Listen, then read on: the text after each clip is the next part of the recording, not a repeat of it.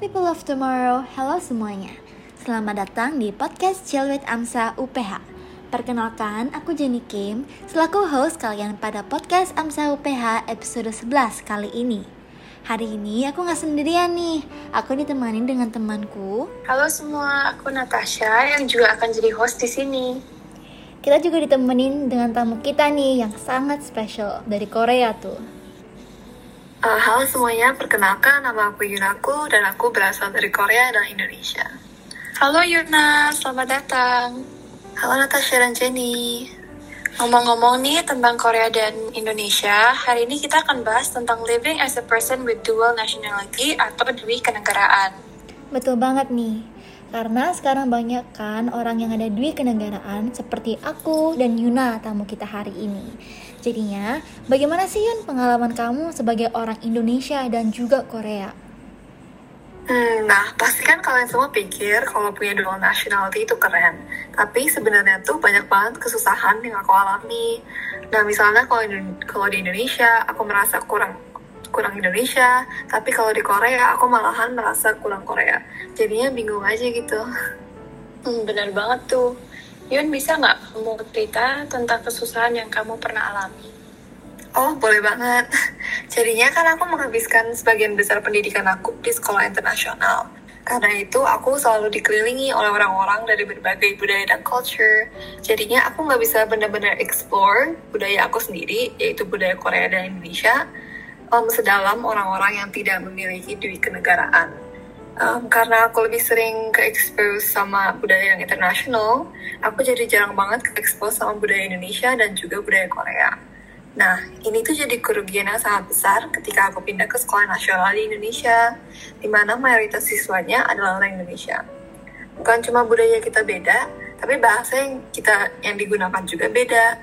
Jadi ya pas aku sekolah internasional itu, aku biasanya ngomong pakai bahasa Inggris. Tapi pas pindah aku jadi harus mau pakai bahasa Indonesia 24/7 um, walaupun aku aku bisa sih bahasa Indonesia tapi nggak selancar bahasa Inggris aku. Karena bahasa Indonesia aku cuma dipakai ketika aku ngomong sama keluarga aku.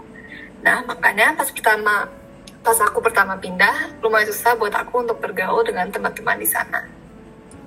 Nah karena aku udah ngomong tentang pengalaman aku pas di Indonesia tapi sekarang aku juga mengalami hal yang sama di Korea sekarang kan aku lagi kuliah di Korea dan aku dan aku juga experience hal yang sama karena aku bukan fully Korean um, jadinya susah banget bergaul dengan orang yang fully Korean karena environment di mana kita dibesarkan um, sangat berbeda dan juga cara bergaul kita berbeda, cara ngomong kita juga berbeda. Jadinya susah aja sih berteman dengan mereka. Wah, ternyata susah juga ya hidup sebagai orang yang punya dual nationality aku nggak pernah mikir kalau kamu pernah mengalami hal-hal tersebut. Iya, terus juga pas aku bilang ke orang lain kalau aku setengah Korea, pasti ada yang nanya, tapi kok kamu nggak kelihatan Korea sih? Atau enggak, tapi kok kamu kulit kamu nggak putih sih? Ya kalau dengar hal-hal gitu sih nggak enak aja, soalnya kan itu kan stereotip kan.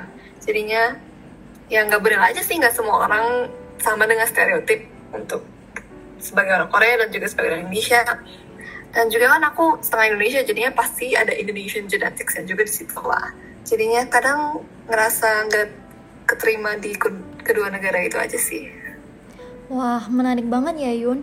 Kan orang-orang biasanya cuma lihat kalau Dwi ke negara ini tuh enak atau keren, tapi sebenarnya enggak juga. Malahan banyak kesusahan seperti dari budaya sendiri atau stereotip dari orang-orang sekitar. Mungkin Yun sebaliknya tuh, bisa nggak kamu ceritain tentang manfaatnya untuk kamu mempunyai di kenegaraan? Hmm, sebenarnya manfaatnya juga banyak sih. Uh, aku cukup bersyukur bisa menjadi bagian dari kedua negara itu dan juga bisa bahasa Korea dan bahasa Indonesia sejak aku kecil. Um, tapi mungkin ini pengalaman keluarga aku aja sih. Oh ya, terus salah satu hal atau manfaat yang aku paling suka sih, kalau misalnya orang nanya, kok kamu nggak tahu ini sih tentang Korea? Atau kamu kok nggak tahu ini sih tentang Indonesia? Aku bisa jawab bahwa aku dari negara lainnya. Jadi misalnya ada yang nanya ke aku kok kamu nggak bisa bahasa Korea atau nggak lancar bahasa Korea? Ya aku bisa jawab karena aku setengah Indonesia. Tapi kalau ada orang yang nanya sebaliknya seperti kok kamu bahasa Indonesia nggak lancar sih? Ya aku bisa jawab dengan karena aku setengah Korea. Jadi enaknya gitu sih. Bener banget sih. Jadi nggak bisa saling gitu ya Iya dong, kan benar juga kan, karena aku bukan uh, fully dari negara kedua negara itu. Iya sih. Uh, mungkin dari segi peraturan dan hukuman negara ada benefitnya nggak Yun? Oh pasti ada lah. Jadinya kan karena aku punya paspor Korea, aku bisa keluar masuk Korea tanpa visa apa pun. Jadinya enak banget kalau balik ke Korea. Um, terus bukan itu doang, uh, paspor Korea kan termasuk salah satu paspor terkuat di, di dunia. Jadinya kalau aku mau travel ke negara yang lain, aku nggak perlu bikin visa kalau mau stay di bawah 30 hari. Jadinya enak aja sih, nggak ribet ngurusin visa. Nah, terus karena aku di negara Indonesia juga, aku bisa tinggal di Indonesia tanpa visa. Hmm, walaupun cuma bisa tinggal di Indonesia tanpa visa sampai umur 21 tahun, masih enak sih karena nggak ribet ngurusin visa terus. Wah, keren ya. Jadi kamu bisa dapat benefit dari dua negara masing-masing. Itu keren sih, Yun. Aku penasaran aja nih, Yun. Kalau dari sekitar kamu sendiri, banyak gak sih yang mengalami hal-hal seperti kamu dan mendapat benefit demi kenegaraan? Wah, kalau itu banyak banget, Nat. Dari yang aku di tempat yang aku tinggal, Cikarang, sendiri udah ada sekitar 15 keluarga yang juga sedang Korea dan Indonesia kita juga punya pertemuan gitu loh namanya Koin Keluarga which um, stands for Korean Indonesian Family Korean Indonesian. Jadinya di organization atau perkumpulan itu kita tuh sering banget bareng-bareng semua keluarga ini pergi ke Bandung atau ke mana untuk merayakan sesuatu dalam tahun itu. Jadi aku dan teman-teman aku kayak Jenny host podcast hari ini kita juga sering ngobrol tentang pengalaman kita Iya banget. Kalau nggak salah namanya pertemuan juga kayak Coin Family kan ya Yun, singkatnya dari Korea Indonesia Family gitu. Di sini kita juga berbagi pengalaman dan budaya sama dengan lain. Jadinya mungkin kita bisa belajar dan juga mengetahui negara kita lebih baik. Mungkin Yun, episode kamu yang paling mengesankan di Coin Family itu apa? Um, sebenarnya sih nggak ada satu episode yang paling mengesankan. Cuman salah satu benefit dari Coin Family itu bahwa aku masih bisa keep my Korean tradition alive walaupun aku tinggal di Indonesia.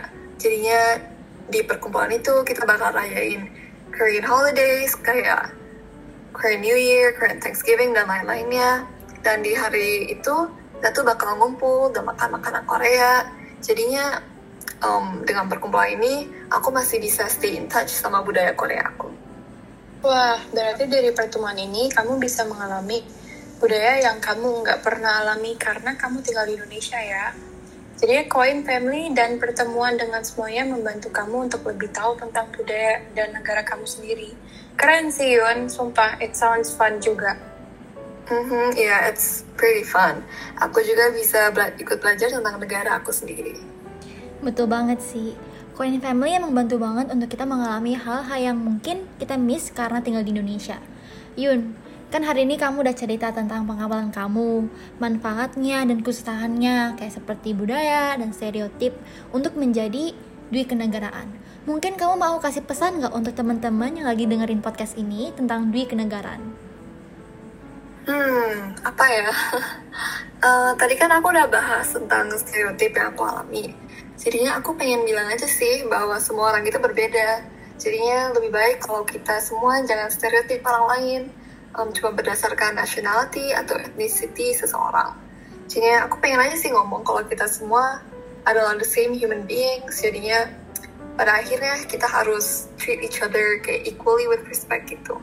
Um, dan juga aku pengen ngomong aja sih kalau jangan berharap atau expect untuk semua orang yang punya dual nationality untuk tahu segalanya tentang kedua budaya mereka.